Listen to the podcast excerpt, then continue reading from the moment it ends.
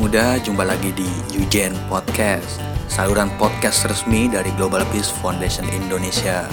Di sini kamu bisa dapetin banyak banget obrolan menarik seputar dunia anak muda Indonesia yang penuh kreativitas, penuh inspirasi untuk terus menebarkan perdamaian dan kebaikan.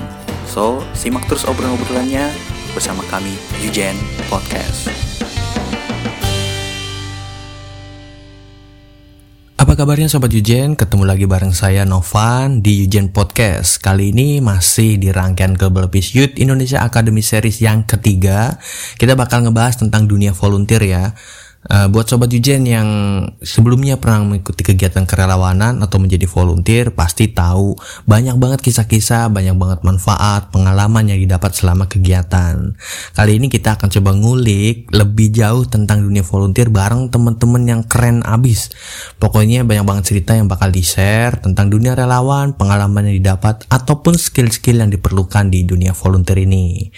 Masih di masa pandemi ini jadi izin podcast kali ini pun masih mengikuti protokol kesehatan ya. Kita akan coba kontak dengan para narasumber melalui telepon.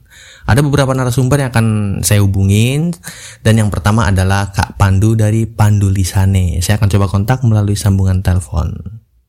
Oke Sobat Yujen, kali ini kita udah terhubung dengan salah satu tokoh muda yang penuh inspirasi dan tentunya punya banyak banget cerita yang bakal di-sharing nih bareng Sobat Yujen semua. Nah, apa kabarnya Kak Pandu? Halo, baik-baik. Alhamdulillah. Kamu apa kabar, Van? Alhamdulillah baik. Nah senang banget nih Kak Pandu udah bisa join ya, karena mungkin kesibukan juga dan kita dari GBF Indonesia sekali lagi mengucapkan terima kasih udah bisa join gabung bareng di Yujen Podcast untuk nyapa teman-teman sobat Yujen di seluruh Indonesia. Nah mungkin banyak juga yang belum kenal nih dengan Kak Pandu juga, mungkin kita bisa kenalan dulu nih Kak nih, silakan Kak. Oke, uh, selamat pagi teman-teman. Selamat pagi dong. Pokoknya jam berapapun selamat pagi. Oke, okay, biar semangat juga ya. volunteer ya. Namanya volunteer itu keren biasa selamat pagi, jujur. Acara-acara hmm. volunteer biasanya selamat pagi kita. Jadi teman-teman, uh, salam kenal semuanya. Nama saya Pandu. Saya dari komunitas Pandu Lisani sebuah komunitas yang bergerak sebagai support system untuk untuk teman-teman disabilitas dan uh, saat ini memasuki tahun kedua di Padulisane dan saat ini saya sudah tidak menjabat sebagai ketua lagi karena sudah berpindah tangan tapi saya tetap memantau teman-teman semuanya gitu. Oke, nah keren banget kan belum apa-apa Sobat Jujun udah tahu kalau ada komunitas yang memang sangat peduli ya terutama untuk teman-teman disabilitas Kak ya. Siap.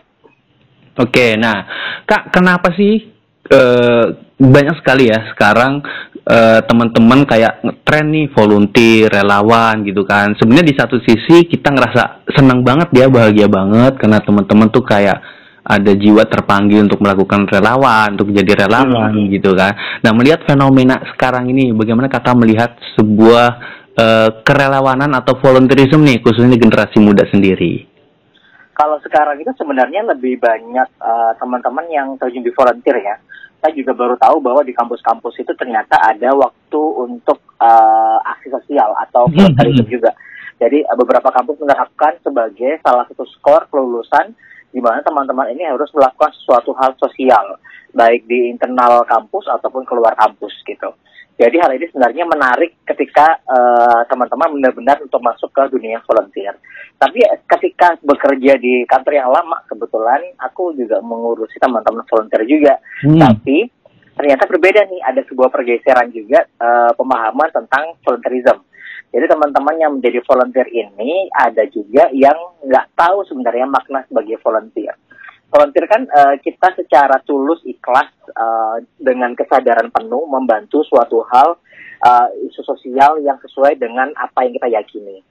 Nah, uh, benar-benar ikhlas, gak minta apa pun gitu maksudnya. Mm -hmm. Kita turun untuk membantu. Bahkan mungkin kalau volunteer itu di zamanku dulu orang-orang uh, yang bahkan mengeluarkan duitnya gitu, mm -hmm. bukan malah meminta duit. Tapi beberapa sekarang itu jadi malah bertanya, volunteer jadi pekerjaan gitu.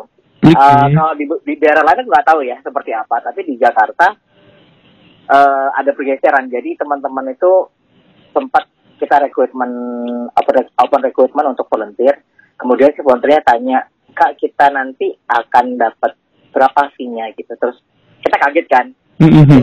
kau udah menanyakan sih gitu kan maksudnya terjun aja belum gitu bahkan mengenal aja belum gitu padahal dari awal ketika aku dulu uh, masih sekolah masih kuliah uh, berpikir bahwa volunteer itu ya benar-benar kita nggak membayangkan akan diberi apa bahkan dapat makan aja udah alhamdulillah gitu karena memang kita nggak berekspektasi mendapatkan itu uh, hmm. menjadi volunteer itu kita seperti um, memberi diri kita secara maksimal untuk hal-hal yang memang kita cintai, terutama biasa kayak gitu ya.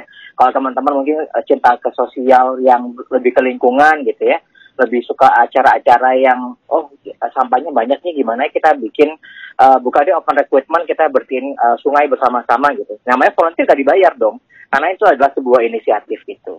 Nah itu sih yang sebenarnya agak digaris bawain oleh orang-orang sekarang karena anak-anak muda cukup banyak, nggak semuanya, yang uh, sudah menanggapi bahwa volunteer nanti akan dibayar gitu. Okay. Mungkin, mungkin aku jadi berpikir awalnya apakah dari Asian Para Games ya, karena Asian Para Games membuka untuk volunteer gitu dan akan mendapatkan uang gitu.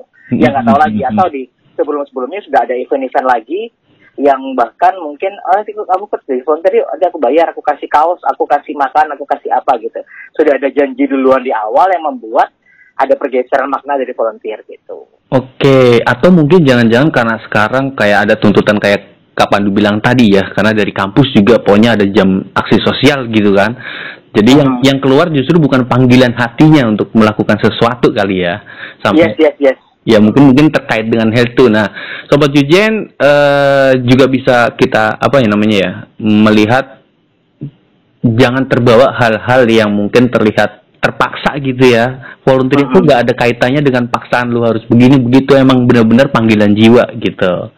Setuju. Nah, ketika bicara tentang volunteer, ngomong-ngomong nih, Kak Pandu sendiri nih pertama kali jadi relawan atau volunteer itu inget nggak di kegiatan apa? Um, hmm, kalau pertama kali ya. Pertama kali mungkin pada saat SMP atau SMA awal ya. Itu ada di karena kampung aku di Malang ya. Oh, okay. Di Malang uh, ada Karang Taruna kayak gitu-gitu. Kita bikin event bersama-sama. Uh, acara 17-an biasanya. Dan biasanya kalau kalau di daerah itu sebenarnya volunteer atau relawan itu kayaknya emang udah ada dalam darah orang Indonesia sebenarnya kayak kalau nah, di nah, nah, nah. kalau di Jawa kan banyak banget ya kita kayak sebenarnya kayak gotong royong segala macem kerja bakti itu kan sebenarnya salah satu volunteerisme gitu kan, volunteering gitu ya. Benar, itu salah satu hal yang membuatku juga mungkin jadi terbiasa volunteer ya. Karena hmm. melihat orang sekitarku juga banyak yang bervolunteer untuk membantu melaksanakan kegiatan yang dijaga bersama gitu, membuat kepanitiaan yang bersama, dijalin bersama. Terus kemudian uh, orang-orang juga terlihat senang gitu dengan kegiatan itu, karena ya sudah tahu gitu tujuannya untuk bersama, sudah tahu bakal capek apa. Mungkin orang-orang juga sudah menakar diri sendiri. Uh, sebenarnya aku misalnya aku bantu di masak-masak nih. Aku suka masak nggak? Kalau aku nggak suka masak, ngapain aku bantu di masak kan? Mending aku bantu yang lain. Kayak gitu. Jadi orang-orang mungkin sudah tahu ibu-ibu biasanya, ayo kita bikin acara tumpangan tujuh belasan gitu misalnya. Ibu-ibu masak, bapak-bapaknya bikin tenda misalnya anak-anak mudanya bikin yang pernak-pernik gitu kan yang buat digantung-gantung gitu-gitu. Yeah, yeah. Ya memang udah gambarannya seperti itu karena ya bapak-bapak masak-masak gitu ya mungkin nggak apa-apa nggak apa-apa juga nggak masalah juga sih di kampungku juga ada bapak-bapak yang masaknya enak banget. Hmm, cuma uh, dari sekian banyak uh, biasanya bapak-bapak itu bantu yang uh, istilahnya kegiatan yang berat gitu ya. Angkut-angkut barang menata ini itu mem membangun sesuatu gitu.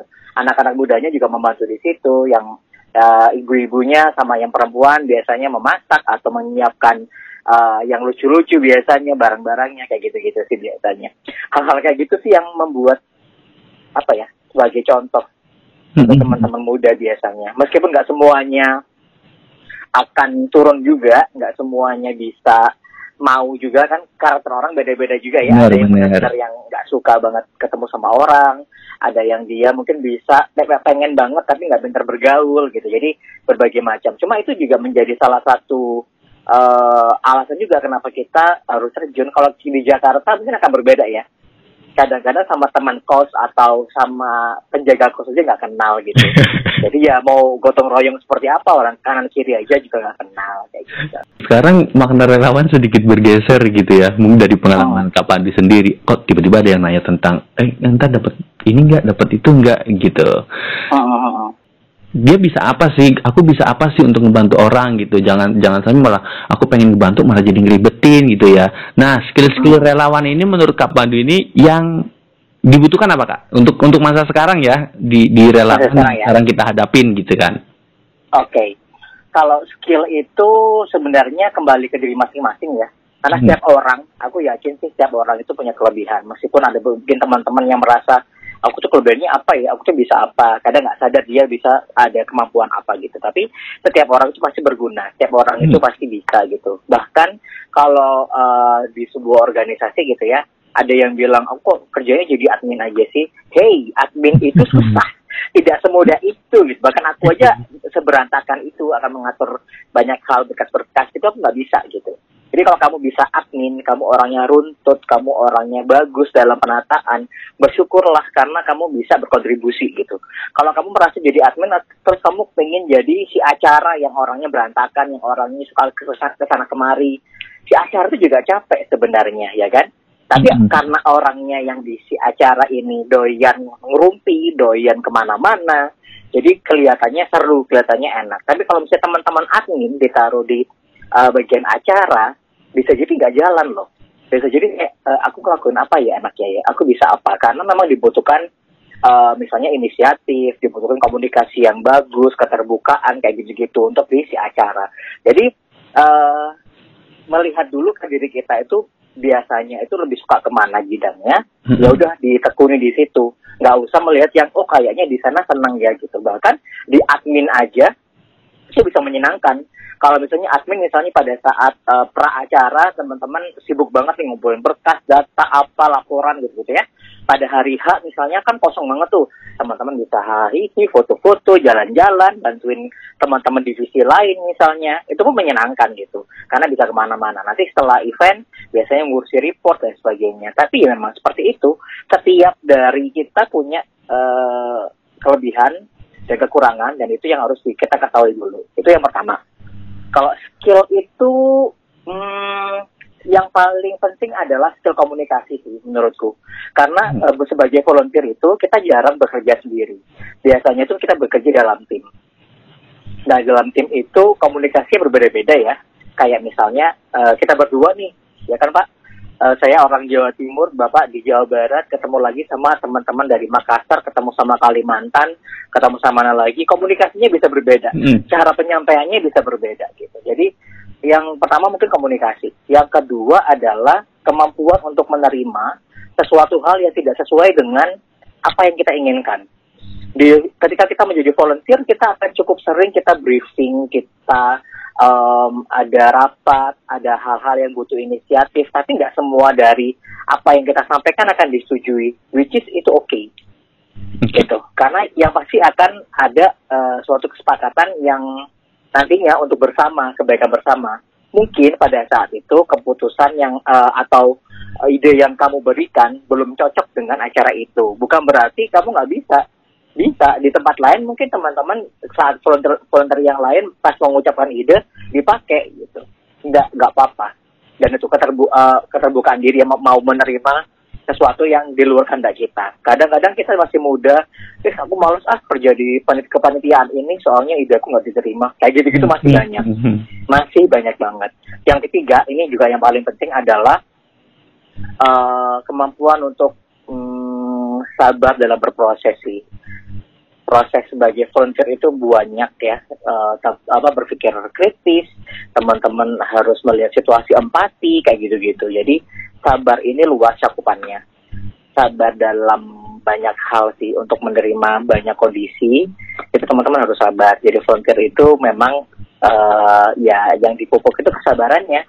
Karena juga yang kita bantu nggak kadang-kadang nggak sesuai. Misalnya aku dipandu di sana juga ya yang aku berpikir bahwa, bahwa oh disabilitas itu oh, nanti aku bantu ini dia aku bantu itu. Ternyata pada saat hari H ketemu sama orangnya orangnya nggak mau dibantu. Nggak lah saya nggak mau dibantu saya bisa sendiri. Waduh kalau saya baper nggak sabaran saya sakit hati tuh ditolak kayak gitu. Padahal juga sebenarnya orangnya memang nggak mau dibantu karena orangnya pengen mandiri, orangnya pengen uh, untuk uh, bisa untuk menunjukkan ke orang lain bahwa saya nggak berbeda kayak gitu-gitu. Jadi sebenarnya banyak banyak hal yang harus kita pikirkan lagi. Jangan karena kita sosokan pengen kelihatan di depan orang lain, pengen eksis di sosial media, kita melakukan sesuatu yang bahkan itu mungkin menyinggung orang lain. Gitu. Nah. Mungkin hal itu sih kurang lebih ya. Nah, sekarang kita bakal ngobrolin tentang Pandu Lisana nih. Tadi kan okay. uh, Kak Pandu udah ngomong uh, bicara tentang awalnya mungkin di lingkungan, kemudian isu gender, kemudian ke uh, narkotika ataupun apa sampai kemudian merasakan kenyamanan ya. Artinya bahwa apa yang dimiliki oleh Kak Pandu sendiri, baik skill ataupun mungkin uh, hal lain gitu ya, ternyata ketika ada di bidang disabilitas terutama untuk membantu teman-teman disabilitas, ternyata lebih klik gitu ya, kayak hmm. merasa ini loh tempat gua gitu. Nah itu yang menda uh, melatar belakangi Kak Pandu kemudian bikin Pandu di sana atau ada hal lainnya Kak? Jadi sebenarnya nggak kepikiran sama sekali sih okay. uh, bikin organisasi, bikin komunitas yang berhubungan dengan uh, teman-teman disabilitas. Karena aku pribadi dari keluarga belum terpapar adanya disabilitas. Okay. Jadi kalau misalnya ketemu sama disabilitas di kampusku dulu tuh ada disabilitas, tapi aku nggak dekat juga. Tapi aku tahu dia disabilitas. Jadi hanya sekedar tahu informasinya, aku nggak dekat kemudian suatu ketika ada momen aku diminta menjadi MC karena kan uh, aku cukup sering jadi si acara aku juga mm-hmm. jadi jurusan komunikasi jadi cukup sering MC terus MC-nya adalah untuk teman-teman tuli nih wajib okay. ini MC buat teman-teman okay. tuli ini baru nih ini hal ini hal yang aku belum pernah uh, jalani nih ini gimana ya kira-kira ya kalau yeah, yeah. ngomong seperti apa gitu okay. ya udahlah aku iyain dulu karena aku penasaran banget gimana bisa berkomunikasi dengan teman-teman tuli. Kemudian setelah di latihan, lihat teman-teman tuli latihan, terenyuh gitu ya, terharu gitu, lihat keren banget sih teman-teman ini gitu. Mereka nyanyi pakai bahasa isyarat lagu sempurna gitu. Kau begitu sempurna gitu kan. Hmm. Tapi mereka uh, menggambarkannya pakai bahasa isyarat gitu. Terus kayak aku merasa selama ini ke aku nggak pernah merasa uh, ada hati kayak kayak gini kayak kayak di sini ya gitu. Aku rasa pengen bantu nih bantu apa yang bisa aku bantu buat teman-teman disabilitas. Dari situ mulai muncul.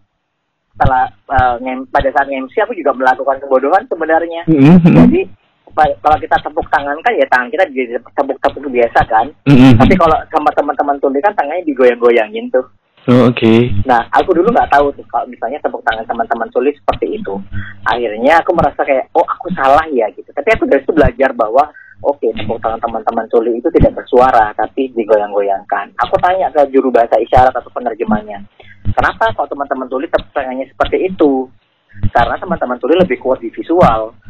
Makanya mereka tepuk tangannya menggunakan gerakan. Oh oke, okay, aku mulai paham. Nah dari situ aku lebih tertarik lagi untuk masuk menjadi uh, juru bahasa isyarat juga. Awalnya sih cuma pengen belajar bahasa isyarat, hmm. ikutan ikutan aja karena setelah setelah MC itu tertarik aja, ih seru ya bahasa isyarat. Hmm. Aku mungkin bahasa Inggris oke okay lah bisa gitu, bahasa Indonesia sehari-hari, bahasa Jawa oke okay, gitu. Terus kemudian bahasa apa lagi yang aku belum tahu ya gitu ya, kan bahasa isyarat. Aku tanya ke teman-temanku di kampus, lo bisa bahasa isyarat gak? Lo bisa bahasa isyarat gak? Gak ada yang bisa gitu. Oh ternyata bahasa isyarat ini gak semua orang bisa ya ah mau udah aku belajar karena belum banyak orang yang bisa gitu ya udah akhirnya aku tertarik belajar uh, terus kemudian teman-teman tuli banyak yang bilang Pandu kamu tuh ekspresif banget ya. Aku uh, paham untuk isyarat kamu seperti apa. Oh oke. Okay. jadi uh, aku aku kurangnya seperti apa? Kamu kurangnya di bagian gerakannya seperti ini seperti itu. Dikasih tahu sama teman-teman tulinya. Oke okay, aku belajar dari situ. Kemudian ada suatu momen satu orang tuli itu diundang untuk interview di sebuah media uh, koran gitu di Kota Malang. Hmm. Kemudian uh, juru bahasa isyarat sama sekali nggak ada yang bisa. Akhirnya si anak ini menghubungi aku, Pandu, kamu bisa nggak bantuin aku juru bahasa isyarat? Loh, aku belum pernah jadi juru bahasa isyarat, gimana caranya? Udah kayak ngobrol aja biasa, tapi kamu nanti menjelaskan aku tadi ngomong apa ke orang yang interview aku aduh aku deg-degan nih gitu kan. Penasaran tapi deg-degan tapi kayak gitu loh campur aduk banget rasanya kan.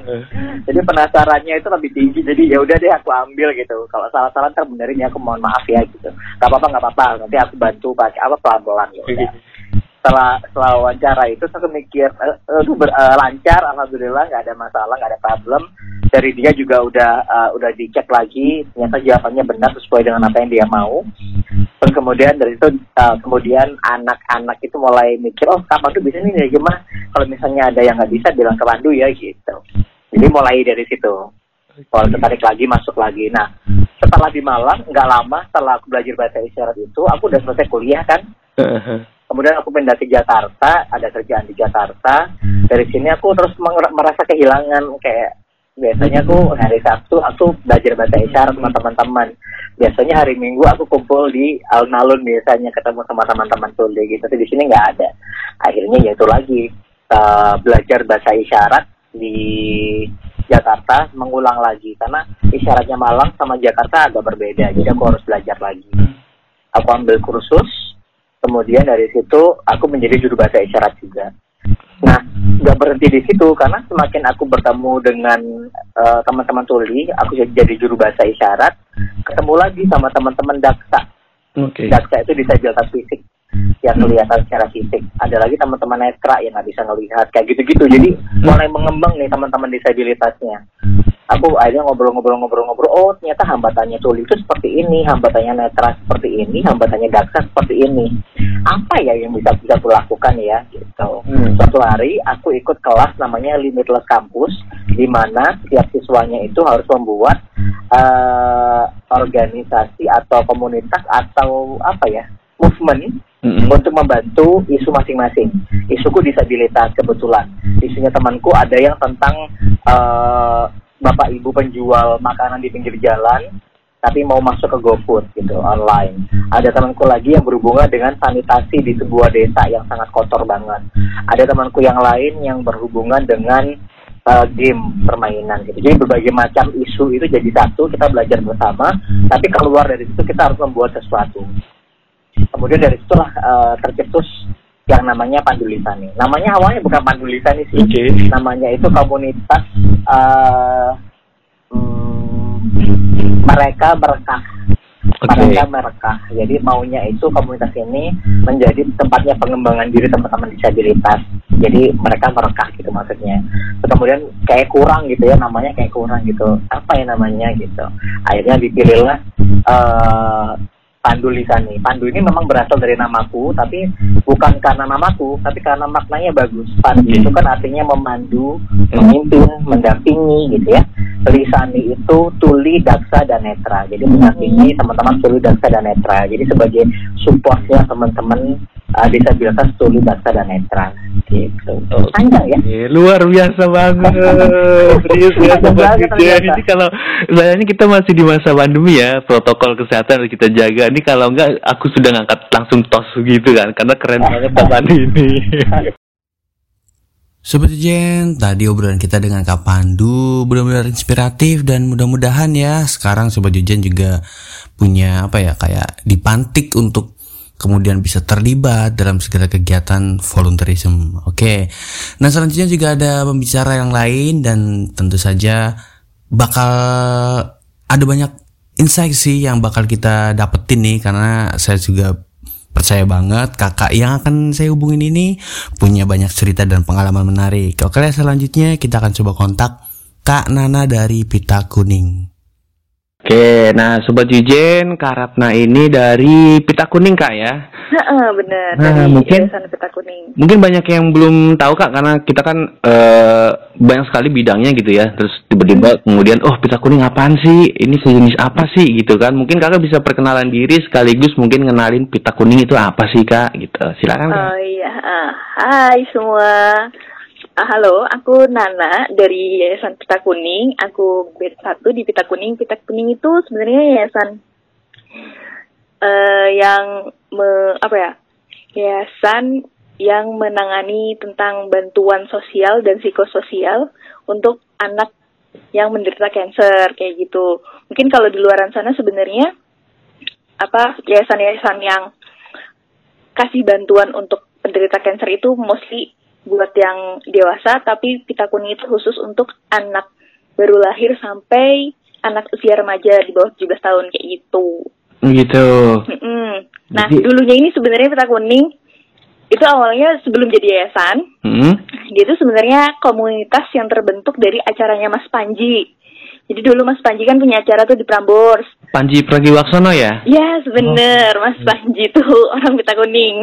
Oke, oke. Jadi dulu awalnya dari Prambors karena ada eh, dari radio kan, terus akhirnya dari obrolan di radio itu terbentuk suatu komunitas namanya C3 Citri.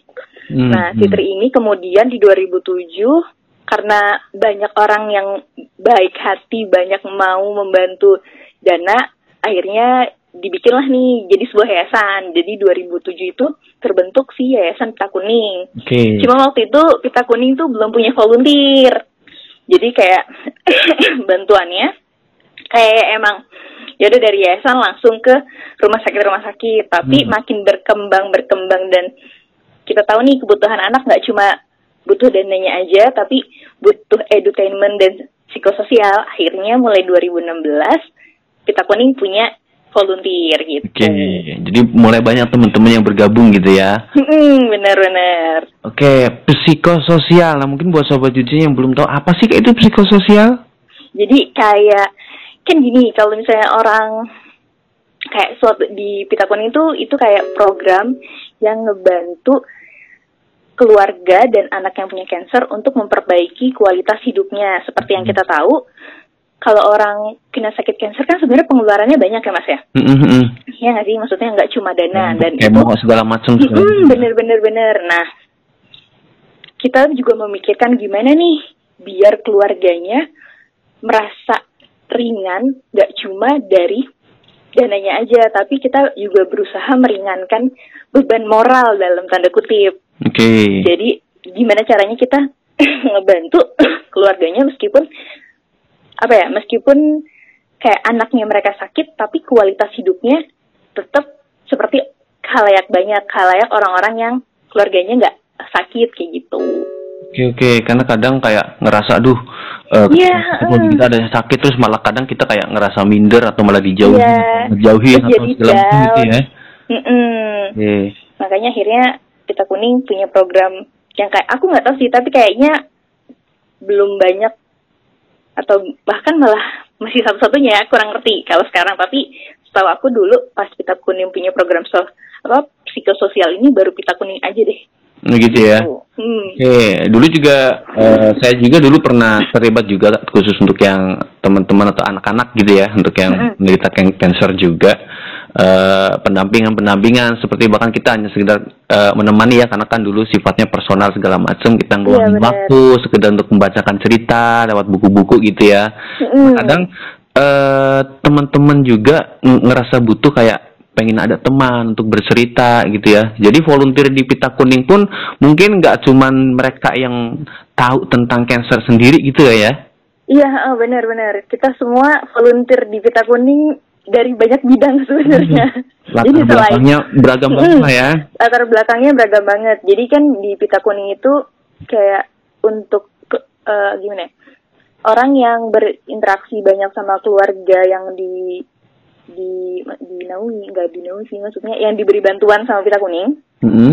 itu tuh kebagi dua. Jadi Pita Kuning punya pekerja sosialnya sendiri yang melakukan fungsi untuk psikososialnya. Mm-mm. Nah, terus kita relawannya itu lebih ke edutainment Oke. edutainment si anak-anak ini karena kan eh, seperti yang Mas tahu kadang si anak-anak yang kena cancer itu tuh direkomendasikan untuk di rumah di rumah nggak sekolah gitu loh sama dokter karena Iya, ketika iya, iya. di sekolah kan pengawasannya lebih Minim. sulit ya Sim. Heeh. Heeh, minim maksudnya dan kita udah gitu kan namanya anak-anak kadang-kadang tuh teman-temannya juga nggak tahu kan cara memperlakukan si anak ini kayak gimana takutnya malah kenapa-napa jadi dokter biasanya merekomendasikan untuk nggak sekolah dulu Oke. ya untuk postpone dulu nah fungsi si relawannya ini termasuk saya jadi kayak memenuhi kebutuhan edukasi dan entertainment buat si anak-anak ini ketika Hmm. mereka lagi nggak sekolah gitu Dan biasanya ini kalau di Pita Kuning itu dia punya kayak eh,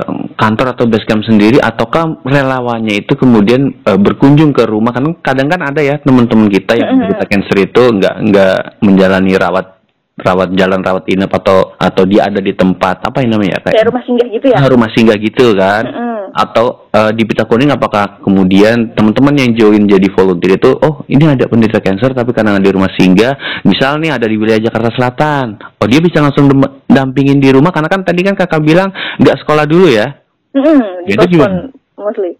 Jadi kalau di Pita Kuning, jadi Pita Kuning itu punya kantor sendiri kan Hmm. di Fatmawati. oke Nah, tapi itu bentuknya bukan rumah singgah. Jadi Hmm. emang literally kantor aja. Nah, anak-anak yang ada di naungan bawah Pita Kuning, Hmm. bias. Aku nggak tahu sih kalau sekarang. Kalau dulu tuh kita pernah ada yang eh, volunteering di ru di rumah singgah gitu. Jadi kayak macam-macam kan.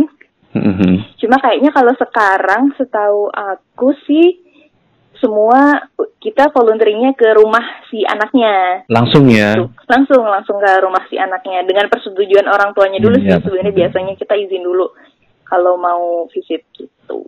Oke, kayak tadi bilang kakak itu kalau volunteer itu punya beragam latar belakang banget di pita kuning. Mm. Semua bisa gabung ya. Bahkan even nggak hanya yang masih masih senggang ya, mungkin teman-teman pekerja gitu kan yang pengen Iya. berbuat baik. Ini ada ada Bener, bener. banget gitu ya. Terbuka banget buat semua kalangan. Kayaknya yang baru lulus ataupun masih sekolah bisa deh soalnya mostly kita karena di rumah ya kak. Mm-mm. Jadi kan lebih fleksibel ngikutin se apa ya selowongnya kita. Tapi Mm-mm. biasanya sih kita volunteeringnya itu di hari weekend kalau nggak sabtu Oke. minggu itu. Jadi siapa pun bisa ikut.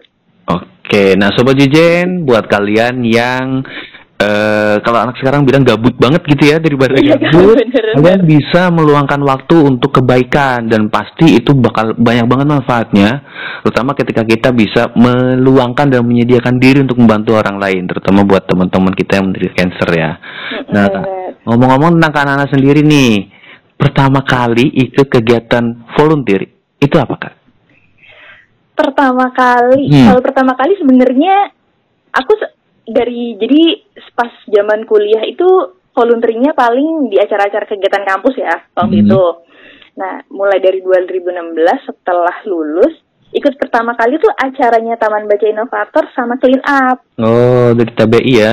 Heeh, cuma waktu itu tuh ikut volunteeringnya kayak yang cuma sekali selesai sekali selesai itu Oke.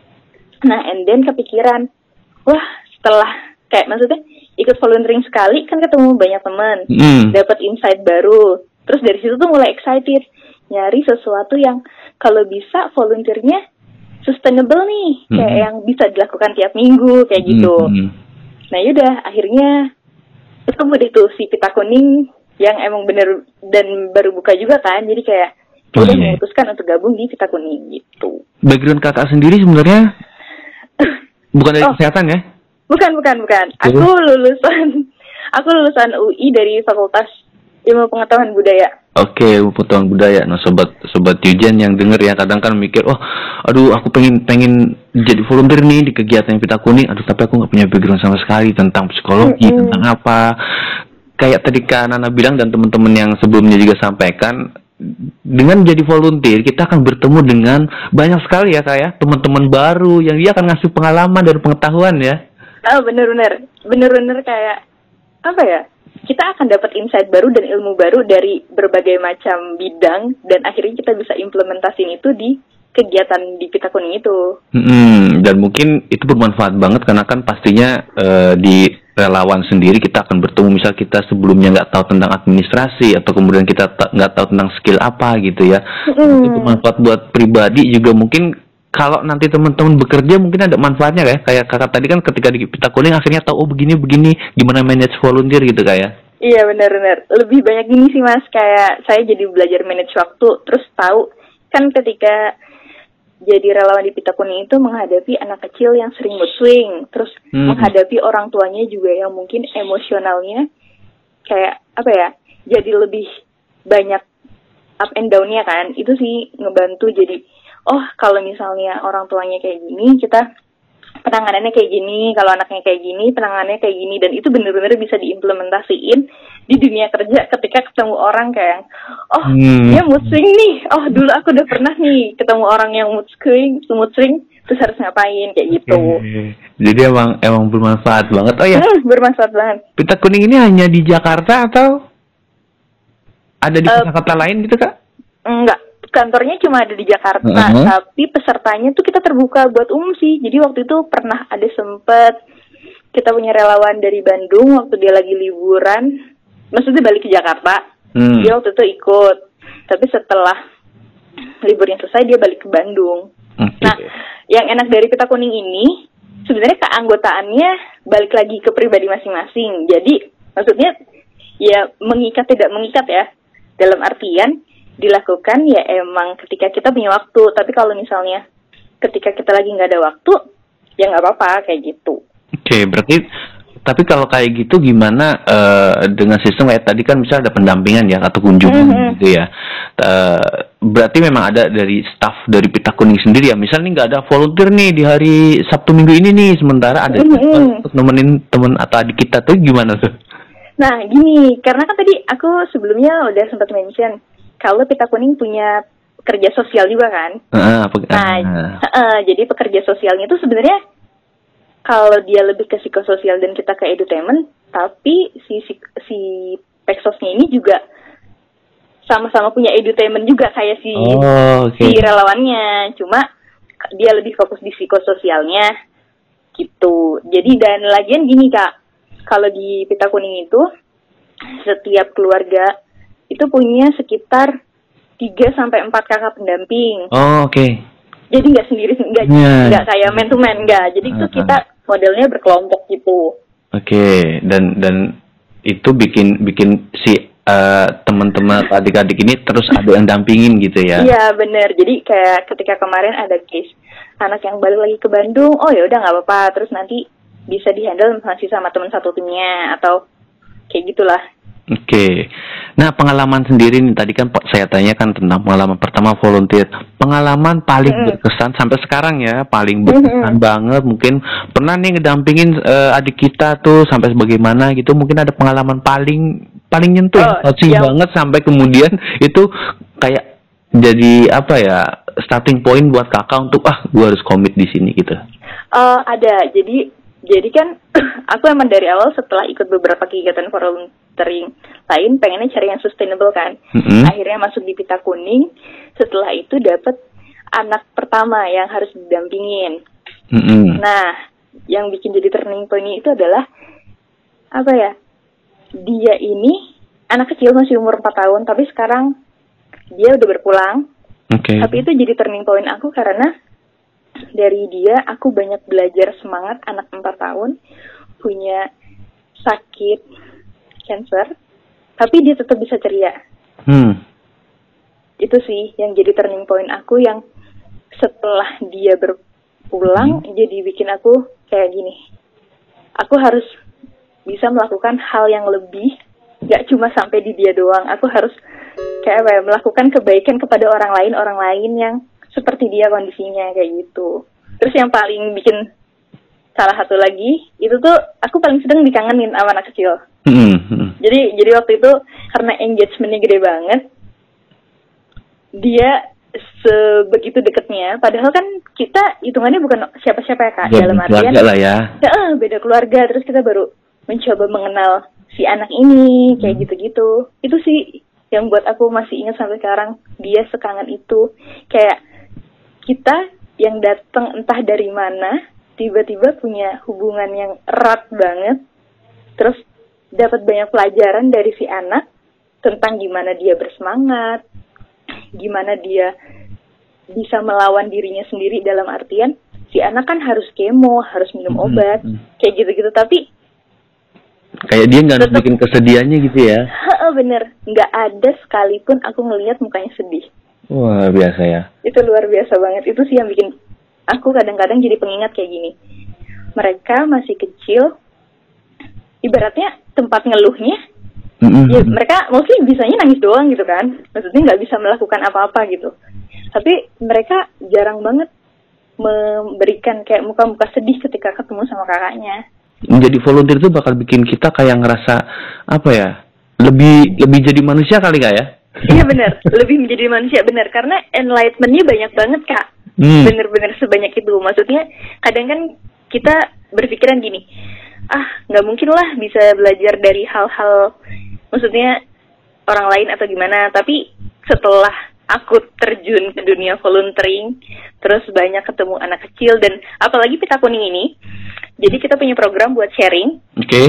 antara sesama relawan. Jadi kita bisa belajar case by case karena kan Hmm. kayak yang aku bilang, pita kuning itu kan ada yang sorry, ada yang anak naungannya masih kecil, usia pro TK, sebelum TK, SD, SMP sampai ada yang remaja SMA deh. Nah, otomatis treatmentnya beda-beda kan.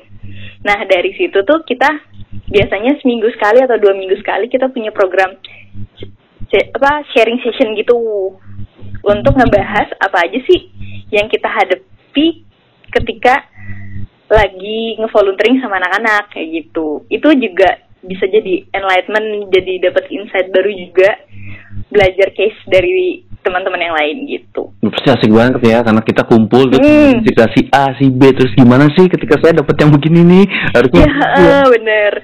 Oke, kayaknya kayaknya seru banget nih. Mungkin kapan-kapan saya juga pengen main nih ke Ya, mampir kak ya. ke Fatmawati. Di Fatmawati ya. Kita di deket stasiun MRT Haji Nawi di Jalan Musyawarah. Itu Oh, dekat gitu. banget kayak jalan dari Jalan Musyawarah paling cuma sekitar 30-50 meter nggak sampai. Oke. Nah, sobat Jijen kan banyak kan nih pendengar kita nih kan ini kan masih mahasiswa ya, mahasiswa. Oh iya. Makanya kalau punya waktu senggang, Sabtu, Minggu, daripada gabut, terbahan gak jelas, ya rebahan kalau dia nyebarin kebaikan sih nggak apa-apa ya. Iya. Pastinya kebaikan gitu. Kalian bisa kok eh, memanusiakan lebih manusiakan diri kalian. Mm, Bener. Manfaatkan potensi gitu ya, karena kadang kita nggak tahu potensi kita nih dengan menjadi volunteer. Kemudian kita tahu, oh ternyata begini ya, kayak tadi Kak Nana kemudian merasa aku harus lebih banyak nih, nggak cuma berhenti sampai di sini. Karena ternyata Hmm, kita punya- setiap manusia mungkin punya punya satu sisi yang belum belum keluar ya. Belum terpanggil ketika Belum belum dapat apa ya kayak momen tertentunya gitu loh. Mm-mm. That's why kita mesti banyak-banyak ikut kegiatan yang bermanfaat. Jadi biar kita tahu panggilan hati kita tuh adanya di bidang mana lagi sih. Nah, mantap banget tuh Sobat Yujen. Pokoknya terus semangat, jadikan masa muda kita itu penuh manfaat deh. Iya bener sekali. Nah, sekali lagi buat temen-temen yang mau gabung atau kemudian mau tanya-tanya lebih jauh, mulai tertarik nih, oh iya nih daripada saya Sabtu Minggu gabut doang di rumah gitu kan, eh, saya pengen nih bisa nemenin adik-adik gitu kan, punya mengasah skill, mengeluarkan potensi, main-main ke pita kuning, itu buka tiap hari atau gimana nih? Dia bukannya eh, weekdays, Weekdays. Sabtu Minggu libur. Eh, Senin sampai Jumat ya? Jumat, heeh. Tapi kalau misalnya mau tanya-tanya, bisa dari Instagramnya, pasti miminnya bales DM. Oh gitu. Nah, pokoknya kalian kepoin Instagramnya jangan lupa follow dan follow juga yang belum follow GPF Indonesia ya. Bener, bener, bener. follow juga channel podcast ini karena emang kita di Eugene Podcast kak kita mau sharing kayak begini hal-hal Mm-hmm. mungkin banyak temen tuh nggak tahu gitu. Ternyata ada kok kamu bisa begini, kamu bisa begitu gitu. Karena banyak banget dunia ini yang bisa kita terlibat dalam hal kebaikan gitu. Sobat Yujen, buat kalian yang belum follow Yujen Podcast, silahkan follow. Dan jangan lupa di sosial media kita di GPF Indonesia, kalian bisa follow di Instagram ataupun di Twitter dan subscribe channel YouTube GPF Indonesia. Bicara tentang volunteer, masih banyak banget yang bakal kakak share dan salah satunya kita akan coba kontak dengan Mas Hasfi di Palangkaraya ya Eh, beliau ini salah satu anak muda yang membangun kita bilang bisa membangun mendevelop eh, Global Peace Chapter Youth Indonesia di Palangkaraya dengan beragam kegiatan yang terkait dengan relawan atau volunteer. Nah, nah, saya akan coba dengan Kak Hasfi langsung telepon aja ya. Nah, Sobat Jujen, kali ini kita udah terhubung dengan Mas Hasfi, seorang anak muda yang penuh kreativitas, penuh inspirasi juga, dan Mas Hasfi ini dari Palangkaraya. Apa kabarnya Mas Hasfi? Alhamdulillah baik Mas. Alhamdulillah baik ya. Kita udah lama ya nggak ketemu ya. Udah tahun lebih ya. Terakhir kan yang camp dulu ya. Eh, Eh, terakhir kayaknya waktu MPFS deh. oh Iya. ya. 2018 berarti hampir dua tahun ya?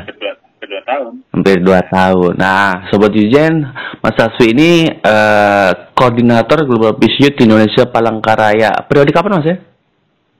2017 kalau nggak salah. 2017, 2016, 2017 ya? Ah, Oke. ya, yang pertama waktu langsung. Oke. Nah, mungkin banyak juga nih sobat Jujen yang belum tahu, jadi silakan kenalin dulu nih.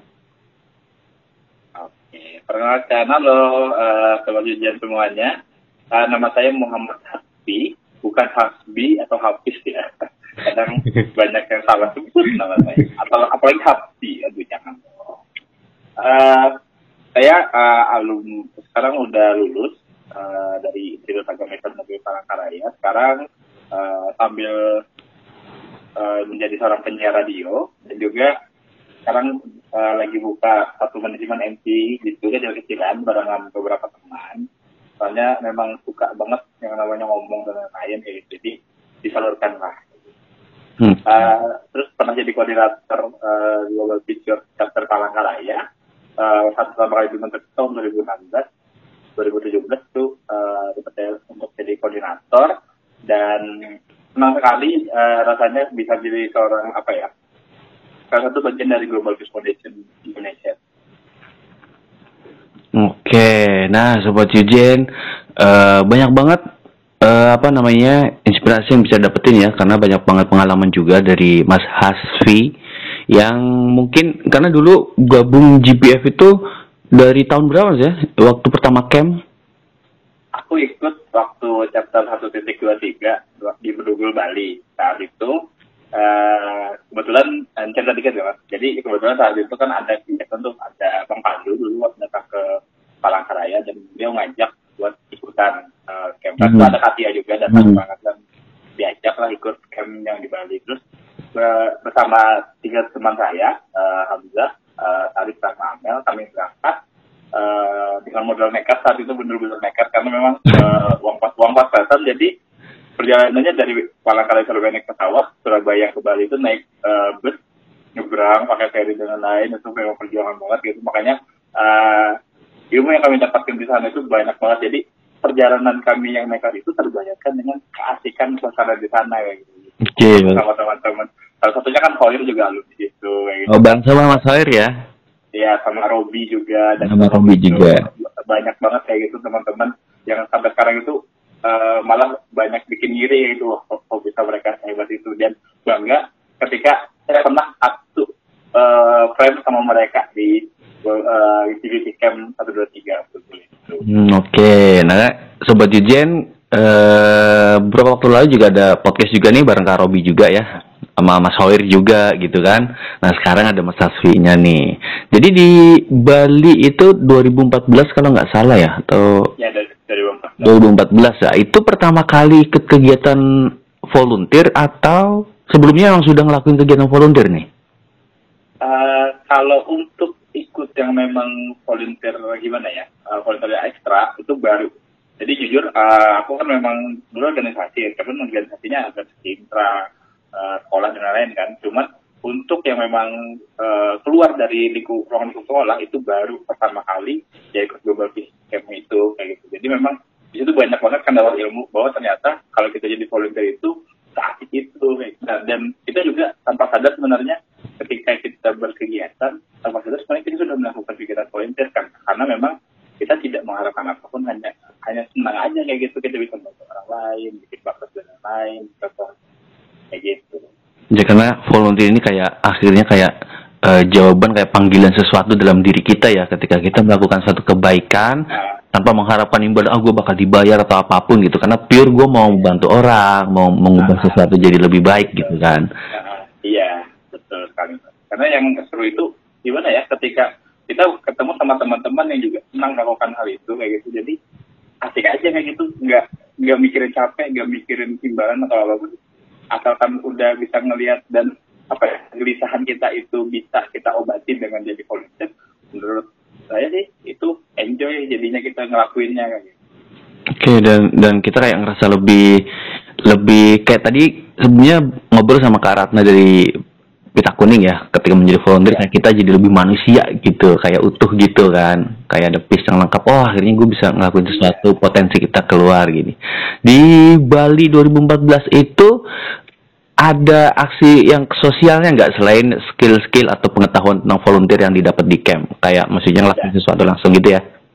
Ada ada. Saat itu uh, kita bantu-bantu di lingkungan uh, uh, First Nation kan, uh, nama sisinya First Nation saat itu saya kelompok sama beberapa teman-teman dan kita begitu uh, bantu-bantu beberapa hal. Pertama kita masuk ke lingkungan wisata kayak gitu, di mana kita ngajak uh, foto uh, orang-orang kita sambil senyum kayak gitu biar menebarkan uh, semangat spirit uh, positifnya. Terus juga kita bantu bantu di salah satu rumah kita ada bantu-bantu buat uh, yang kami cowok-cowok itu bantu ini tanaman yang menjalar di tembok itu kami potong-potongin terus teman-teman yang cewek itu pada nyiramin mobil jadi uh, kami ngebantu yang punya rumah uh, nyuci mobil kayak gitu yang senangnya itu saya itu di sana itu ada ini ada uh, kayak karaoke kecil jadi kami itu diajak karaoke gitu sama uh, si si pemilik rumah ya jadi tapi tadi itu ingat banget tuh nyanyi lagu One Formula Dergat Oh gitu.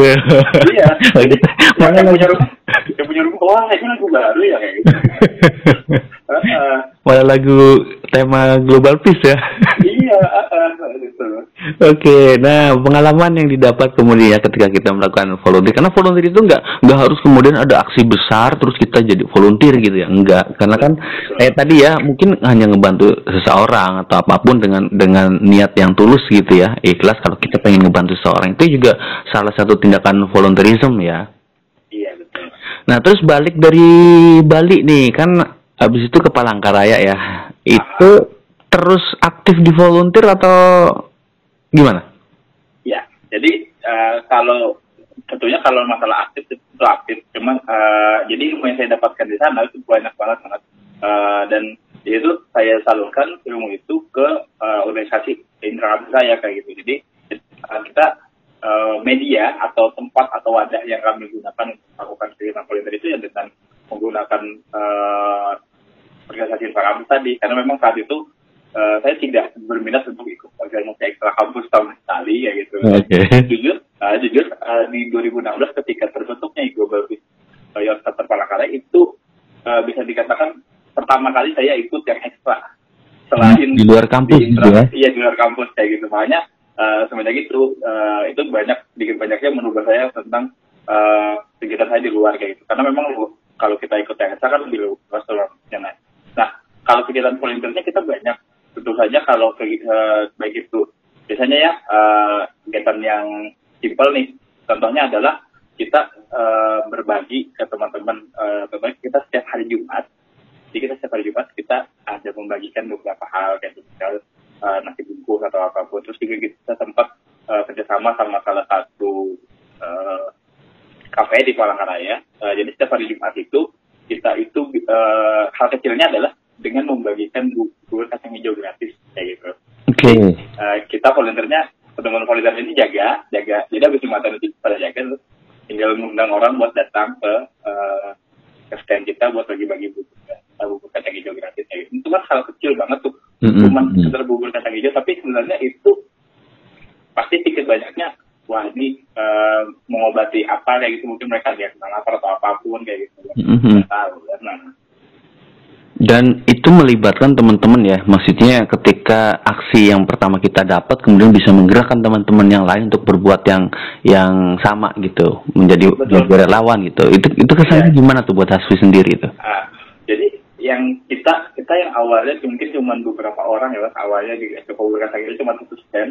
Jadi kita jadi bisa bikin beberapa stand. Jadi ada di sudut sini kita udah punya di sudut sana ada yang jaga. Karena teman-teman tergerak eh, aku mau dong ikut bantu. Kayak gitu. Ya udah kita kita karena udah banyak masanya jadi tinggal eh, uangnya ini eh, kan itu eh, apa ya ada patungan gitu patungan terus jadi porsinya itu karena orangnya makin banyak patungannya makin besar dan porsinya pun kita bisa lebih banyak bikinnya jadi kita bisa bikin di beberapa sudut lagi misalnya kan jalan utama jalan keluar jalan Hmm. apa kayak gitu nah jadi itu menggerakkan juga teman-teman karena memang pasti lihat "Wah, seru banget ya kayaknya kakak-kakak itu misalnya itu teman-teman yang eh, ada tingkat oh seru banget ya ada di tingkat kita jadi Hmm. mereka nggak sungkan buat eh, aku mau dong bantu-bantu juga kayak gitu Akhirnya nular gitu ya, kan Menular. kali itu kayaknya Ah. asik ya, jadi ini ngebantu Iya. orang gitu. Karena ketika kita melakukan kebaikan sebenarnya emang nular ya, nagih gitu.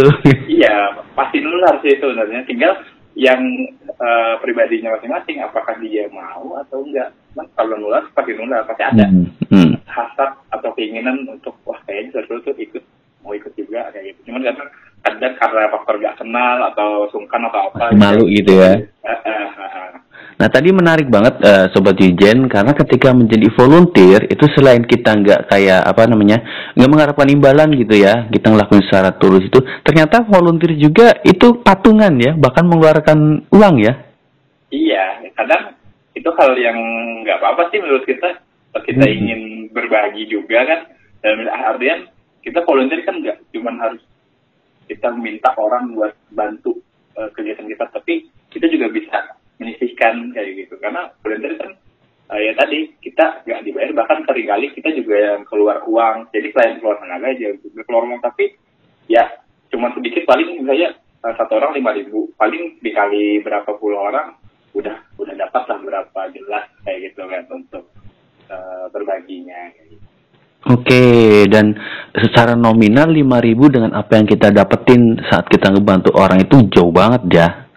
Iya, Artinya uh, mungkin bagi kita mungkin itu nggak seberapa besar lah ya, tapi bagi orang lain ketika itu menjadi sebuah kebaikan itu pasti berasa banget dan mungkin memberi kesan juga bagi orang-orang yang kita bantu juga. Nah selain tadi nih ngebagiin apa tadi bubur ya, selama periode itu ada kegiatan apa lagi nih?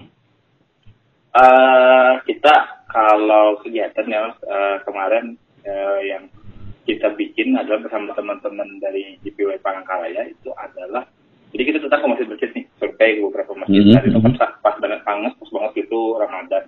Jadi kita datang ke beberapa masjid kita lihat cek beberapa perlengkapan alat uh, sholat mereka atau beberapa alat kebersihan. Jadi uh, kita kayak bikin open donasi gitu uh, silakan buat yang mau nyumbang itu dipersilakan juga.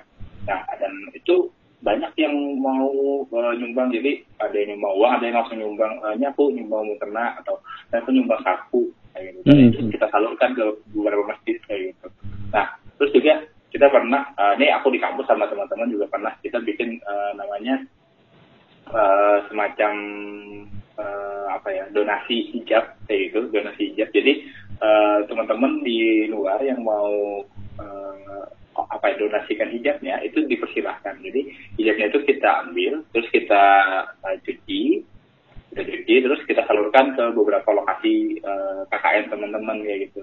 Hmm. untuk untuk warga-warga sekitar di sana. Jadi uh, jilbab yang layak pakai cuman udah jarang kepake kayak gitu. Biasanya kan kayak gitu tuh kalau cewek tuh uh, kadang eh, kalau si jilbabnya banyak. Cuman karena mungkin sering berjalannya waktu udah nggak pakai lagi uh, itu kita daripada uh, numpuk gitu ya iya daripada numpuk biasanya kan ada yang baju, ada yang celana. Nah kami khususnya itu hijab aja kata kami. Biar nanti kalian bagikan dan banyak kok dari warga yang ternyata minat gitu. Nah terus ada nggak uh, kemudian kayak tadi tuh salah satu yang mungkin kita bantu gitu ya memberi kesan paling paling dalam buat Haswi ini entah di kegiatan kayak tadi berbagi di di lapangan langsung atau justru ada pengalaman yang memang secara personal akhirnya bikin Haswi kayak oh emang ini jalan gue untuk untuk membantu orang jadi volunteer gitu. Oh iya. Uh, jadi kita uh, pernah bikin satu penggalangan untuk korban kebakaran memang. Saat itu uh, Kak Munawar saya ingat banget uh, dia yang jadi uh, pelaksananya dan uh, saya ingat saat itu gimana ya uh, antusiasme para warga untuk menerima bantuan karena memang di sana uh, memang banyak komunitas-komunitas atau organisasi-organisasi lain yang juga bikin pengalaman yang sama. Cuman uh, setiap ada yang datang itu selalu mereka uh, apresiasi kayak gitu, terima kasih uh, udah membantu dan mm-hmm. gimana ya kesannya adalah ketika kita ngelihat langsung ke sana, kita langsung terjun ke lapangan untuk membantu, itu beda ketika kita cuman uh, melihat dari dari luar. Karena kita bisa ngeliat ini korban-korbannya ini uh, sangat memprihatinkan dan ketika kita bisa ngebantu dan ada ucapan terima kasih dari mereka itu udah udah ini banget uh, gimana ya bahasanya udah nikmat banget kayak gitu untuk kita yang para volunteer kayak gitu. Hmm, dan itu makin bikin teman-teman yang terlibat jadi makin semangat gitu ya? Iya. Oke, jadi di Palangkaraya sendiri sampai sekarang masih aktif ya Global Peace Youth chapter sana ya? Uh, kalau sekarang itu uh, ini kan lagi pandemi juga mas, jadi kita kema- memang kendala banget sama sama teman-teman uh, untuk bisa ketemuan. Cuman uh, kita kita uh, terus bangun komunikasi supaya kita bisa jalan program. Karena memang terakhir kali kita bikin uh, program uh, itu uh, tahun 2020 awal mm-hmm. COVID ini kayak gitu. Makanya uh, pemecahan banget nih karena memang teman-teman juga uh, agak sulit uh, untuk karena memang skripsi gitu ya masih bagian ya iya ada iya karena kan uh, teman-teman yang dulu udah eh, teman-teman saya itu udah lulus semua mm-hmm. ya, udah nah terus ini kepengurusan yang baru ini udah menginjak uh, fase akhir makanya mm-hmm. agak sulit kayak gitu untuk diajak ini makanya kita mau terus penjaringan buat teman-teman supaya kaderisasi ini jalan kayak gitu. Oke, dan ini tentunya kesempatan banget buat sobat Yujen yang yang terutama yang di Palangkaraya ya, yang ya, dengerin betul. podcast ini nih. Pokoknya kegiatannya asik banget dan banyak sekali ya teman-teman di sana. Gak hanya harus dari satu kampus ya, siapa aja bisa gabung. Karena kegiatannya itu uh, beragam ya latar belakang siapa pun ya. Betul. Uh, kita, uh, aku ingat uh, sampai sekarang itu yang aku banggakan adalah ketika bisa membuat tiga kegiatan besar bersama teman-teman uh, di Bayu Palangkaraya itu pertama uh, kita pernah bikin GPW Assembly. Mm-hmm. uh, terus juga kita pernah bikin GPW Adventure. Uh, dan terus yang ke selanjutnya adalah bikin efek uh, uh, millennial peace camp saat itu. Nah dan juga kita juga percaya buat jadi tuan rumah buat millennial peace festival. Nah itu Hmm. Kegiatan, iya itu gimana ya? Rasanya ketika Palangkaraya yang uh, notabene itu jarang dilirik nih sama biasanya biasa kan kita kalah nih sama hmm. beberapa kota-kota besar di Pulau Kalimantan, okay. Masin, Samarinda, Balikpapan, uh, Pontianak. Ini kita dilirik kayak gitu. Nah itu gimana ya kita bisa uh, menunjukkan ini loh Palangkaraya, Palangkaraya juga bisa. Ya. Oke, okay. dan dan kegiatan itu uh, panitianya volunteer semua ya? Betul sekali. Itu hmm. yang benar-benar volunteer itu antusiasmenya kita kan bikin nih uh, kayak wawancara gitu. Jadi kita open recruitment buat panitia dan kita bilang ini uh, kita nggak nggak bisa ngasih apa-apa kayak gitu. Kita cuman ini ada kegiatan kalau mau ikut silakan. Kegiatannya berbeda. -hmm. Kalau mau ikut silakan dia apa kan kayak gitu. Bahkan dari teman-teman kadang kalau kita rapat ya kalau kita rapat mandiri nih uh, mm-hmm. uh, nggak apa nggak apa ya. Kalau saya rapat mandiri atau nanti misalnya ada keperluan bisa nggak apa apa nah itu gimana ya? Ketika mereka itu mau berarti mereka udah percaya sama kita. Mereka udah udah ngelihat kita ini bahwa track record kita itu udah bagus. Jadi kita tuh bisa dipercaya jadi dipertanggungjawabkan. Oke nah sobat Yujen sekali lagi nih Uh, banyak sekali kegiatan positif yang bisa kita lakukan uh, dari lingkup pribadi ataupun ke masyarakat gitu ya. Kayak teman-teman di Palangkaraya ini kayak Mas Aswi ini menginisiasi sesuatu untuk membantu orang lain. Dan jangan pernah bingung kalau oh aduh pengen ngelakuin sesuatu tapi sama siapa gitu ya. Karena bisa kontak langsung ke teman-teman di GBY Palangkaraya mungkin dari Instagramnya ada ya. Dari ya. dari Instagramnya mungkin kontak-kontak kak kalau mau gabung uh, kegiatan relawan di Palangkaraya seperti apa gitu kan. Karena mungkin teman-teman juga kadang ingin terlibat tapi belum tahu gitu. Ada nggak sih ya di di Palangkaraya gitu? Terutama nih teman-teman yang mungkin tahun ini balik ke Palangkaraya nih. Mungkin kan ada ya sobat jujur yang lagi dengerin podcast ini. Dia kuliah di luar uh, Palangkaraya kemudian balik ke Palangkaraya dan masih ingin ngebawa nilai-nilai volunteerism yang dia punya. Mungkin bisa langsung kontak ke sosial medianya mas ya Iya, bisa di SJBY Palangkaraya. Oke. Nah, Mas Asu ini mau mau nanya lagi untuk kriteria atau skill yang dibutuhin nih ketika kemudian kita mau ngelakuin sesuatu kayak tadi apakah uh, harus punya skill khusus nih untuk jadi volunteer dengan kegiatan di GPW atau gimana nih? Kalau menurut aku ya selama ini uh, ketika kita berkegiatan bersama teman-teman hal yang paling penting itu ada dua. Pertama uh, memang keinginan dia uh, niat dia dari awal mm-hmm. apa kayak gitu. Terus uh, yang kedua itu komunikasi dia cara dia berkomunikasi. Gimana? Cara berkomunikasi itu maksudnya adalah bukan dia tidak selalu harus pintar ngomong cuman dalam artian uh, dia bisa diajak kerjasama uh, ngomong, diajak ngomong tuh enak kayak gitu dalam artian uh, karena setiap uh, kerjasama itu paling penting kan komunikasi. Terus juga kalau setiap aksi pasti yang paling penting adalah niatnya atau keinginan apa apa motivasi dia ikut kegiatan ikut nggak nggak cuman ikut-ikutan gitu tapi banyak juga sih aku pengalaman nih teman-teman ya yang diajak sama temennya dia ikut-ikutan. Tapi ketika udah terjun hmm. dia malah asik sendiri. Oke. Okay. dia malah dia malah yang senang. Bukan dia yang lebih aktif ketimbang temannya diajak kayak gitu. Makanya uh, dari kita uh, harus menyambut baik tuh. Dan makanya kadang kita yang udah lebih lama kita harus bagus komunikasinya sama teman-teman yang baru Oke, okay. oh, seru banget ya ketika kita kemudian kumpul sama temen, bahkan dari kegiatan volunteer kayak tadi ngebagiin makanan di di jalan raya gitu ya, entah yeah. mungkin di di suasana pas bulan Ramadan ataupun lainnya ketika ada bencana gitu. Ketika ketemu dengan orang baru dan merasakan langsung apa yang terjadi itu pasti berbeda gitu ya dan, yeah. dan emang nagih banget. Oke, nah Sobat Jujen, sekali lagi buat kalian yang lagi dengerin podcast ini, terus tertarik nih untuk ikut kegiatan relawan atau kegiatan bareng teman-teman muda di Palangkaraya, silakan nanti bisa follow di Instagram GBY Palangkaraya. Nah, di situ nanti bisa cek kegiatannya, bisa tanya-tanya ke adminnya ya, mungkin ada kegiatan di akhir tahun ini seperti apa. Nah, banyak banget kan yang udah kita dapetin dari obrolan dengan Kak Asfi ini.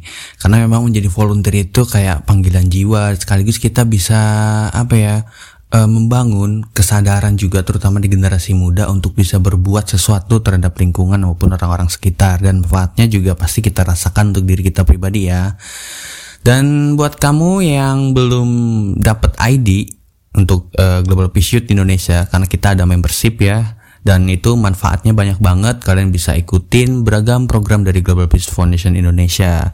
Jadi bisa kepoin di Instagram GPF Indonesia. Itu ada gimana sih cara dapetin ID untuk GPYI nah Sobat Ujen ada lagi nih salah satu narasumber yang akan berbagi kisahnya dengan kita. Dan kali ini pasti beda juga dengan yang sudah-sudah. Oke saya akan coba kontak dengan narasumber kita berikutnya ya Nah Sobat Yujen, sekarang kita sudah bisa kontak dengan Kang Denny dari Pencarian Nusantara. Nah beliau ini pasti bakal banyak banget sharing tentang dunia relawan yang bakal menginspirasi kita semua. Apa kabarnya Kak Denny? Oke, halo. Alhamdulillah kabar baik Mas Nopan dan teman dan sobat izin semuanya. Uh, aku sendiri jadi pencerah Nusantara itu pertama kali waktu tahun 2017 sampai 2018 waktu itu ditempatkan di Puskesmas Bambalamotu Kabupaten Mamuju Utara Sulawesi Barat. Oke. Okay. Uh, ya, terus uh, sekarang dari kemarin 2020 bulan Juni uh, jadi pencarian Nusantara lagi khusus untuk penanganan COVID-19 di Kota Bandung ya tepatnya aku bertugas di wilayah Kecamatan Bandung Kulon di menangani tiga puskesmas itu. Oke, nah berarti uh, di Penseran Nusantara ini concernnya uh, untuk teman-teman relawan yang di bidang kesehatan, kak ya? Iya, jadi uh, Penceran Nusantara sendiri adalah perkumpulan profesional muda di bidang kesehatan. Uh, dia memang ya syaratnya memang ya harus muda, itu kan usianya juga uh, paling maksimal itu 30 tahun dan hmm. memang yang di atas di bawah 30 tahun. Jadi ini sekarang semuanya itu muda gitu kan. Belum menikah juga gitu kan. Sebagai hmm. syaratnya untuk bisa tergabung di pencarian Nusantara. Dan tentunya kita uh, untuk bisa bergabung di pencarian Nusantara sendiri ya selain kita uh, anak muda kemudian profesional di bidang kesehatan kita pun juga uh, syaratnya adalah memiliki uh, ketertarikan ya pada dunia pengabdian gitu dunia kerelawanan itu akan menjadi nilai uh, poin yang sangat penting gitu untuk bergabung di pencarian Nusantara gitu. Oke, karena bentuknya tadi itu ya, mungkin karena belum belum menikah salah satu syaratnya ya, karena akan ditempatkan mungkin di di di daerah-daerah yang di luar yang biasa teman-teman jangkau gitu ya, kayak tadi misal ke Mamuju ataupun ke daerah-daerah yang terpencil mungkin ya kayak. Ya, kalau ya kalau dulu memang seperti itu dan Uh, kecuali yang sekarang sih, yang sekarang agak khusus karena memang pencerahan Nusantara yang sekarang uh, lebih ke respon COVID dan Hmm. kita ditempatkan di untuk yang saat ini ada di dua uh, kota. Pertama di kota Jakarta Utara, tepatnya di Tanjung Priok, kemudian kota Bandung. Pencerahan Nusantara COVID ini di kota Bandung ada di tiga wilayah, di wilayah Bandung Kulon, kemudian Andir dan Cicendo, gitu kan. Yang dulu uh, awal yang awal-awal yang kasus COVID-nya itu uh, tiga besar gitu kan, jadi sentrum COVID di kota Bandung. Hmm, Oke. Nah, Kak, balik lagi nih ke tahun 2017. Itu berarti kegiatan relawan atau pengabdian pertama yang Kak Dini ikutin atau sebelumnya udah udah tertarik dan pernah ikut kegiatan relawan lainnya, Kak? Eh, itu sih se- sebenarnya kalau dari aku sendiri ah, untuk menjadi pencerahan Nusantara waktu itu pengalaman pertama untuk menjadi kegiatan kerelawanan dan pengabdian di luar ini apa di luar pulau gitu kan. Aku Hmm. sendiri kan dari orang-orang Jawa Barat gitu kan. Jadi itu pertama kali itu kan di, di luar pulau. Sebelum sebelumnya sih aku memang sudah pernah terlibat dalam kegiatan kerelawanan ya di PMI, tapi masih di wilayah sendiri di kota sendiri di kota Tasik. Di Bandung. Eh, kota Tasik dulu. Oh, oke. awal. Oke, nah dulu waktu di Mamuju itu mungkin bisa share ke teman-teman apa sih kegiatan kerelawanan yang dilakukan di situ dan mungkin kan ada kesan mendalam nih kak, karena itu baru pertama kali yang eh, kak Denny sampaikan sampai ke luar pulau gitu ya. Eh, waktu pertama kali sih datang ke sana memang sempat ada yang namanya shock culture ya memang pas awal-awal. Jadi pas datang itu ternyata uh, kupikir bahwa ah ini kalau kalau ditempatkan di sini oke lah kalau kesehatan mungkin diam di puskesmas seperti itu melayan, eh, melayani masyarakat. Tapi ternyata be- eh, nggak seperti itu. Begitu datang ke sana dan kita udah dihadapkan dengan disodori dengan oh ini permasalahan-permasalahan kesehatan yang ada. Waktu itu permasalahan kesehatannya pertama eh, angka kematian ibunya tinggi di sana. Hmm. Kemudian kematian bayinya itu tiap bulan tuh pasti ada yang meninggal pada saat Mhm. uh, bersalin. Terus selain itu juga angka gizi kurang dan gizi buruknya juga lumayan tinggi itu kan apalagi yang gizi kurang itu eh gizi kurang yang menuju ke gizi buruk itu itu cukup tinggi di angka 316 waktu itu. Terus eh, selain itu ternyata permasalahannya lagi banyak masyarakat itu yang tidak mau berobat ke puskesmas. Jadi masyarakat itu kan masih tradisional ya di sana. Jadi masih diobati eh, pengobatannya masih oleh dukun gitu kan. Yang bersalin pun juga itu kebanyakan mereka bersalin di dukun. Bahkan ada yang bersalin di hutan. Hmm. Jadi karakter masyarakatnya itu mereka itu tinggal eh, masyarakatnya ada dua ya, ada dua karakter ya.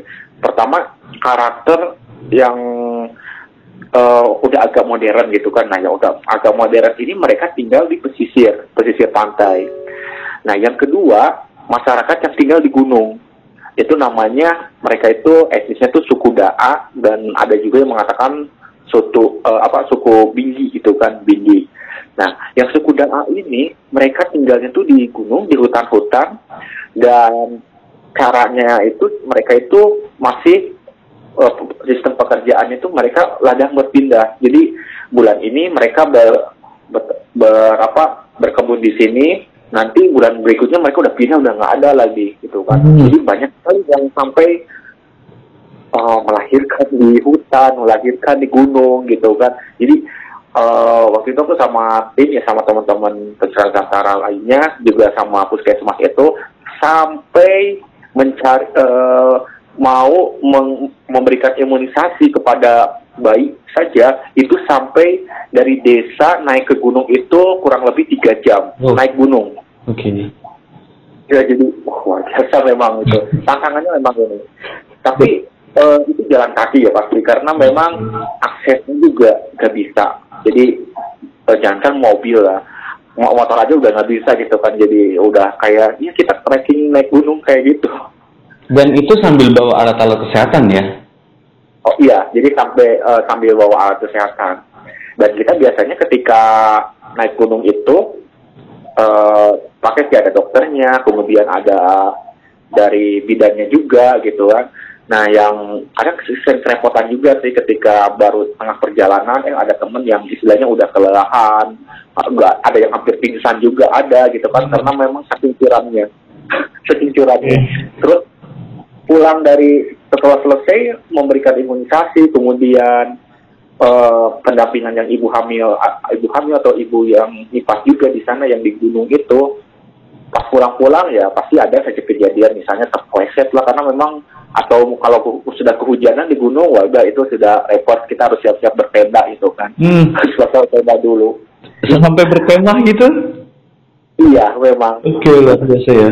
Itu biasa, itu bareng dengan eh, tim dari pencarian Nusantara semua atau ada juga relawan lainnya saat itu, Kak?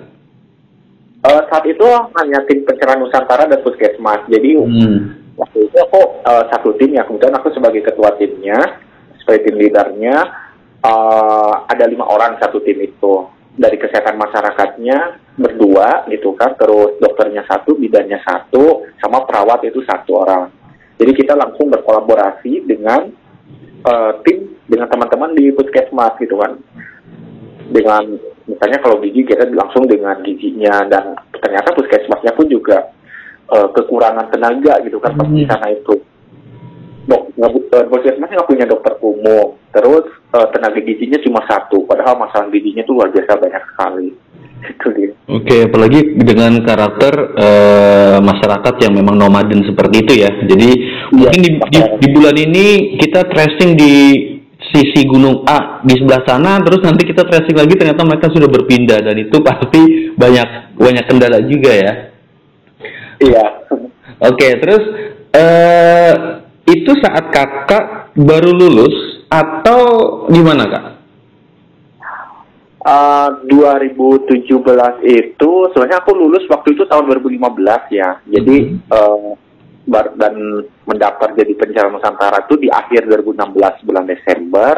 Kemudian ikut seleksi itu di seleksi itu di bulan Januari 2017. Februari itu sudah masuk ke pelatihan. Jadi eh, kita dilatih dulu Oke. selama dua bulan dan setelah itu setelah dua bulan dilatih baru diberangkatkan ke Mamuju waktu itu ke penempatan langsung.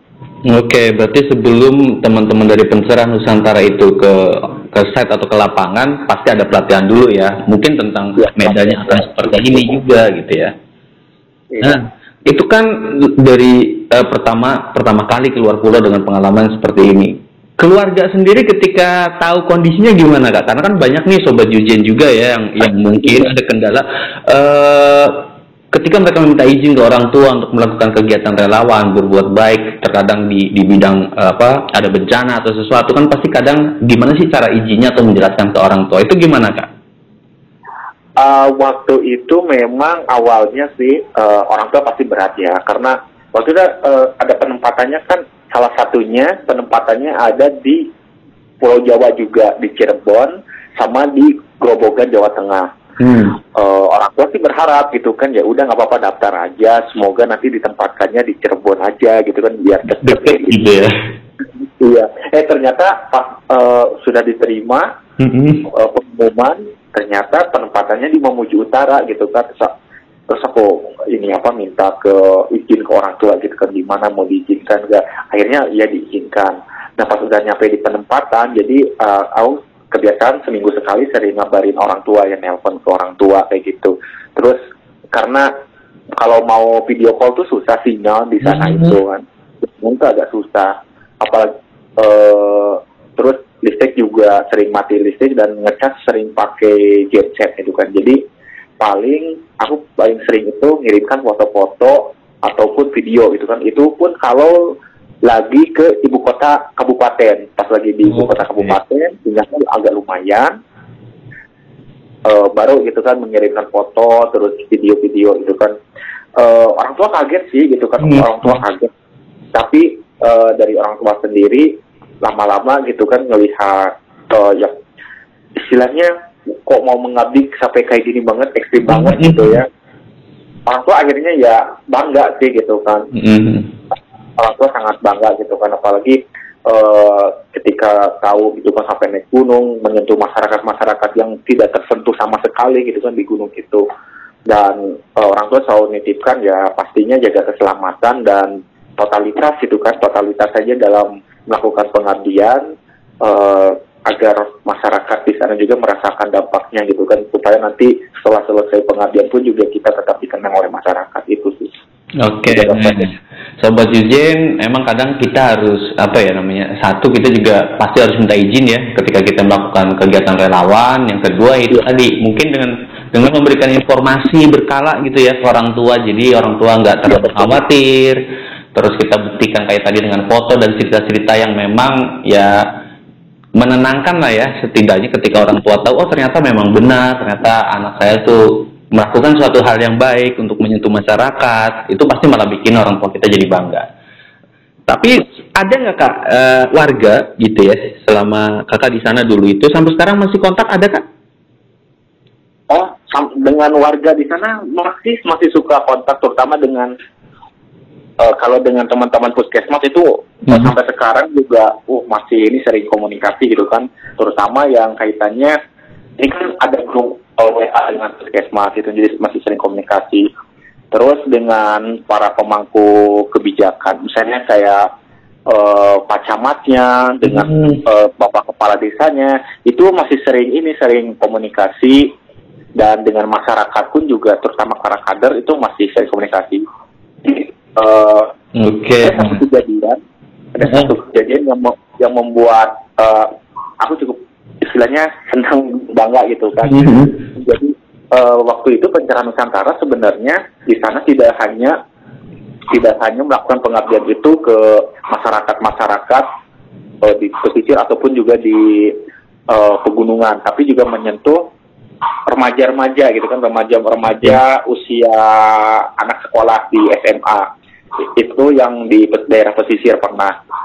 Eh, permasalahan yang di sana itu banyak sekali eh, setelah selesai SMA itu mereka ya pada nikah gitu kan banyak yang nikah dini yang putus sekolah karena nikah dini sehingga kejadian itu eh, kalau sudah nikah dini kan mereka usianya belum belum ini apa belum cukup umur dan organ reproduksinya belum siap itu yang menjadi penyumbang kematian ibu kematian bayi tinggi salah satunya juga nah waktu itu kita ada program kita bikin program menyentuh remaja namanya seperti posyandu remaja gitu. Eh, dan kita pun menekankan selain soal kesehatan juga ditekankan mereka itu harus punya cita-cita gitu kan. Mereka harus punya cita-cita harus punya keberanian untuk eh, menggapai cita-cita itu. Jadi jangan sampai setelah sekolah nikah jangan gitu kan. Tapi harus kejar dulu cita-cita baru. Nanti eh, kalian boleh menikah dan istilahnya harus harus siap dulu gitu kan. Secara organ juga. Hmm. Nah ada eh, tiba-tiba anak-anak ya, anak SMA itu 2019 akhir ya bulan Desember kemarin itu ada kayak gini. Eh Kak Denny, Kak Denny gitu kan. Nah nelpon kan bingung eh ini siapa ya? Gitu kan gitu, gitu. Oh ternyata ngejelasin aku anak sahabat sahabat itu eh, sahabat remaja Bambala Moto yang program remaja di sana. Aku anak Saraba gitu kan. Kak ini makasih banyak ya. Sampaikan juga salam kepada kakak-kakak yang lain gitu kan. Makasih banyak ya aku sekarang bisa kuliah dan dapat beasiswa. Kuliah di mana deh di, Palu seperti itu. Di di salah satu universitas negeri di sana gitu kan. Waktu itu aku eh, mendengar info informasi ya berita kayak gitu kan rasanya eh, senang gitu kan Mhm. ada eh, kebanggaan tersendiri dengan ternyata selain ke kesehatan juga eh, ada dampaknya juga gitu kan ke aspek yang lain gitu kan seperti itu. Yesus bilang ya kalau bukan karena istilahnya eh dulu aku berpikir bahwa habis sekolah ya udahlah mau nikah aja gitu kan mau nikah aja nggak apa-apa gitu kan. Bantu ibu juga dan bantu bantu bapak juga. Tapi ya setelah dipikir juga dan bi- akhirnya bisa bicara juga ke ibu ke bapak ya aku akhirnya diizinin kuliah. Ya meskipun dulunya nggak ada biaya tapi ternyata ya bisa dapat beasiswa gitu kan. Bisa dapat beasiswa dan bisa berkuliah seperti itu Oke, keren banget sih kak, keren banget karena uh, sobat jajan juga kita melakukan sesuatu yang mungkin terlihat sederhana, tapi ternyata itu mengubah uh, hidup seseorang menjadi jauh lebih baik ya. Dan kita nggak tahu dampaknya akan akan sejauh itu, tapi kita ada peran di situ dan itu pasti bakal bikin kita kayak ngerasa hidup jauh lebih berarti ya kayak. Ya? Betul sekali. Mm -hmm. Nah, terus balik lagi nih ke pencerahan Nusantaranya sendiri. Ini berdiri sejak kapan nggak kalau boleh kakak? Uh, pencerahan Nusantara sendiri sebenarnya itu dari sejak tahun 2012 ya. Uh, 2012, jadi kita ini sebenarnya pencerahan Nusantara sudah enam angkatan, enam angkatan hmm. yang mengabdi yang mengabdi di luar COVID ya. Jadi kohort yang pertama itu ada tiga angkatan di tujuh titik di Indonesia. Kemudian kohort yang kedua itu ada tiga angkatan juga, angkatan 456 di sembilan titik di Indonesia um, sekarang uh, angkatan yang ketujuh ya boleh dibilang angkatan ketujuh itu yang ini apa mereka uh, pencarian sekarang yang fokus COVID-19. Yang khusus COVID ya. Dan ya. selain harus dari kesehatan, dia harus sudah wisuda dulu, artinya nggak lagi terkait dengan dunia akademis di di kampusnya atau atau boleh aja nih misal ada sobat Yujin ya yang ketika dia sedang skripsi atau apa pun terus tertarik nih aduh aku pengen banget ngelakuin apa yang seperti Kak Denny lakuin gitu. Itu bisa nggak Kak? Uh, harus lulus dulu gitu. Harus kan? lulus dulu. dokter harus sudah lulus menjadi dokter. Kalau sarjana kesehatan lainnya misalnya kalau uh, kesehatan masyarakat dia harus sudah lulus dulu kesehatan masyarakatnya. Gitu. Jadi uh, kalau yang masih belum lulus yang masih kuliah ya memang harus selesaikan dulu kuliah. Harus selesaikan dulu ya. Jadi sobat Jujen yang yang dengerin podcast ini terus kayak aduh aku pengen ikutan kayak gitu juga ternyata di bidang kesehatan ada juga ya. Nah, itu bisa nanti nunggu sabar-sabar dulu. Mungkin tetap bisa uh, ngepoin dulu gitu ya. Instagramnya ada Kak ya Pencerahan Nusantara ya?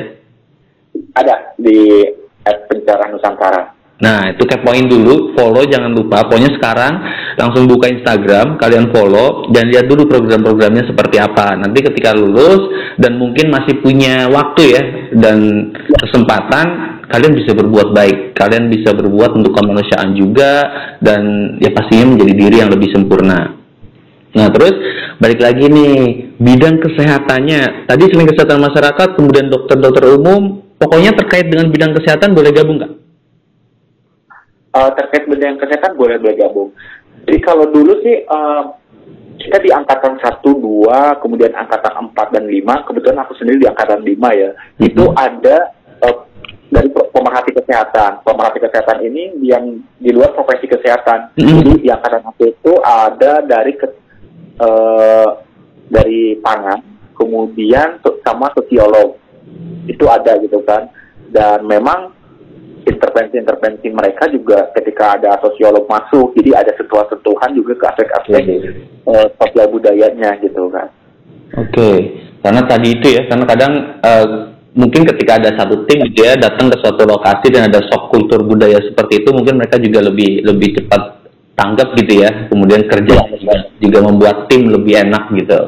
Nah, balik sekarang pengalaman kakak nih masa pandemi seperti ini nih. Pengalaman apa yang bikin kakak gregetan? Apa apa bagaimana nih Kang lihat situasi ini?